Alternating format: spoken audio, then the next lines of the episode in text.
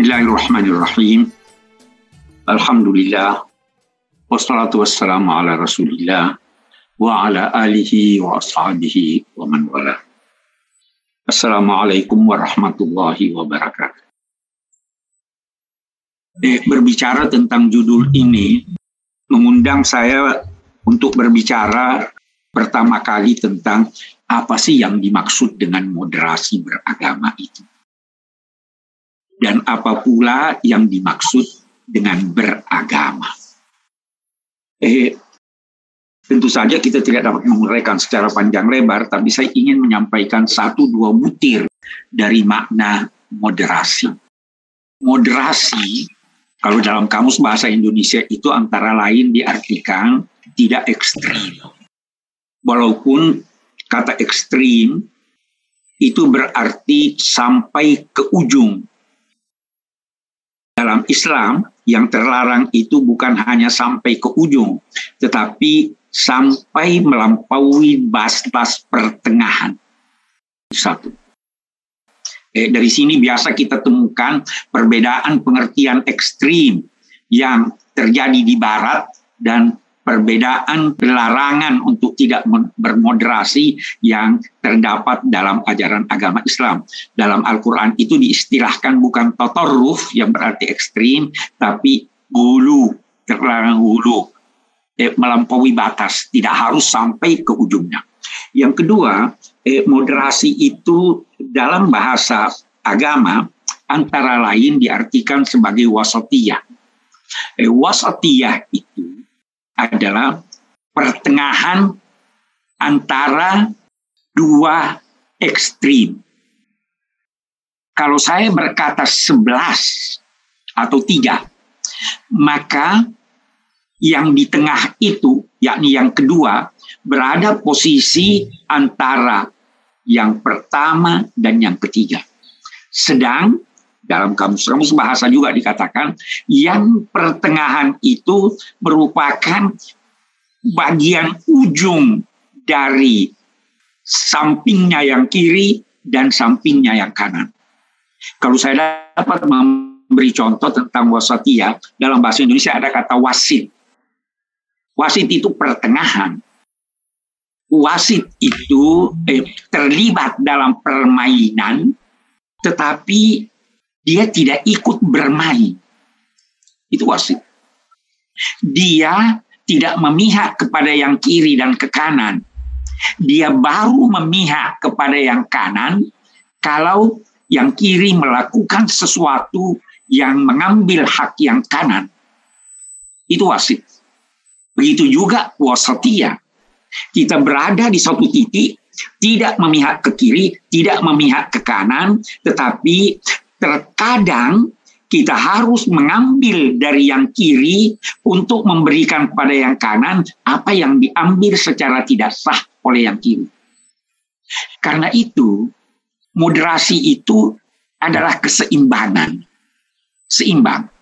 Tetapi keseimbangan ini bukan secara matematis.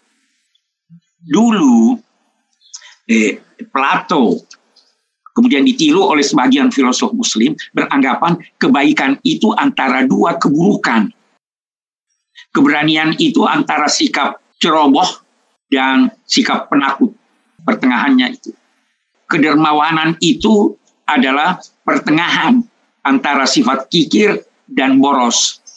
Tetapi kita harus garis bawahi bahwa itu tidak selalu demikian karena ada kebaikan yang bukan pertengahan. Kebaikan yang bukan pertengahan itu adalah berucap jujur, berucap benar. Itu bukan pertengahan antara tidak bohong dan bohong. Kemudian pertengahan itu ini yang perlu lagi digarisbawahi dalam konteks penerapan moderasi, pertengahan itu bisa berbeda antara satu dengan yang lain akibat perbedaan situasi. Saya beri contoh. Kalau saya mau tahu eh, siapa yang di tengah, saya terlebih dahulu harus mengetahui berapa jumlah yang duduk. Dia yang kedua kalau jumlahnya tiga. Dia yang kelima kalau jumlahnya 11. Jadi penerapan moderasi itu tidak dapat dilakukan sebelum kita memiliki pengetahuan. Kalau tidak, bisa-bisa menjadi ekstremisme. Dan ini yang sering kali terjadi.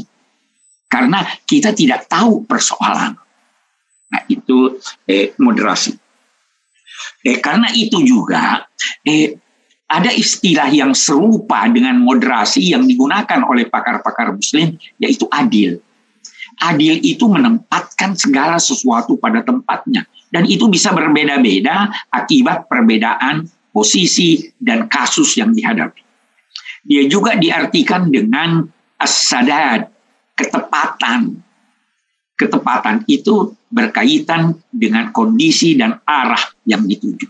Demikian. Jadi eh, moderasi itu bukan pakaian jadi.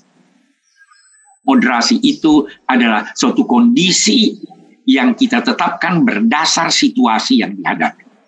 Itu yang pertama yang saya ingin kemukakan menyangkut eh, moderasi. Eh, yang kedua yang saya ingin katakan beragama. Ini juga kita sering kali keliru.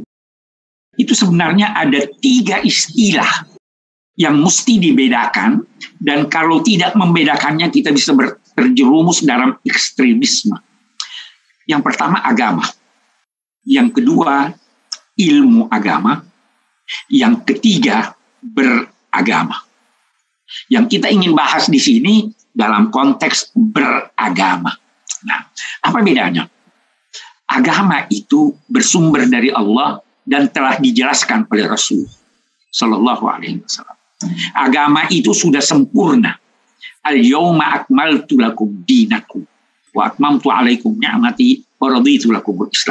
Agama sudah sempurna. Tidak bisa ditambah-tambah lagi, tidak bisa dikurangi lagi. Ada ilmu agama. Ilmu agama itu lahir dari pemahaman terhadap ajaran agama. Imam Syafi'i menjelaskan ilmu agama yang beliau fahami dari Al-Quran dan. Imam Malik mengemukakan tentang ilmu agama yang beliau fahami dari Al-Quran dan Sunnah. Demikian seterusnya. Jadi ilmu agama itu lahir sesudah lahirnya agama. Dan kalau agama sudah sempurna, maka ilmu agama masih terus berkembang sampai sekarang. Kalau agama pasti benar, maka ilmu agama oleh pencetus ilmu itu pun dikatakan saya boleh jadi salah. Nah, agama satu tetapi ilmu agama bisa bermacam-macam. Nah, Kemudian yang ketiga kita lihat beragama. Beragama itu adalah praktek seseorang menyangkut agama dan ilmu agama. Prakteknya. Kita ambil contoh. Salat itu agama. Ada penjelasan tentang salat. Penjelasan tentang salat itu yang merupakan ilmu agama disampaikan oleh ulama-ulama yang mempelajari tentang sholat. Lahir perbedaan pendapat. Kita ambil contoh. Baca bismillah dalam fatihah sholat itu wajib atau tidak? Imam Syafi'i bilang wajib, Imam Malik bilang tidak.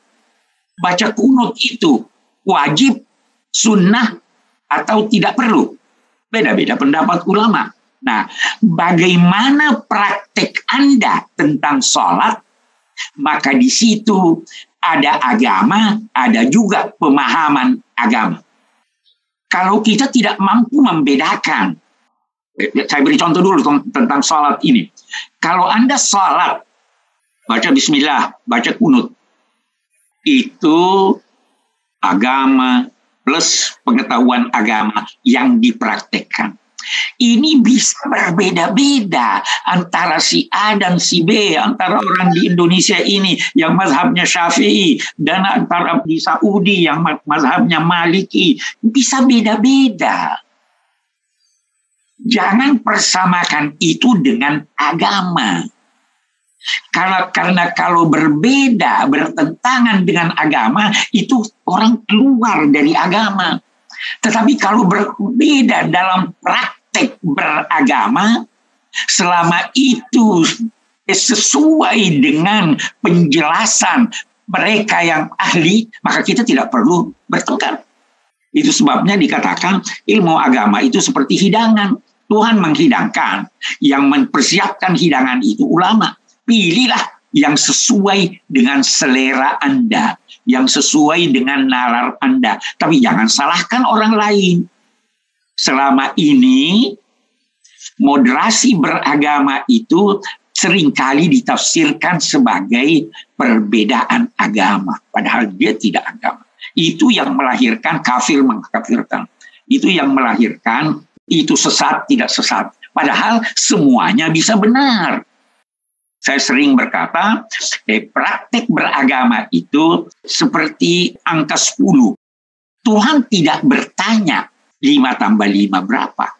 Jawabannya 10. Tetapi yang Tuhan tanyakan, saya ingin angka 10. Berapa tambah berapa? 6 tambah 4, Oke, benar. 7 tambah 3, benar. 5 tambah 5, benar. Yang agama kehendaki angka 10 bagaimana Anda mencapai angka 10, itulah pengetahuan agama plus beragama. Saya kira itu yang dapat saya kemukakan. Mudah-mudahan ada manfaatnya. Wassalamualaikum warahmatullahi wabarakatuh.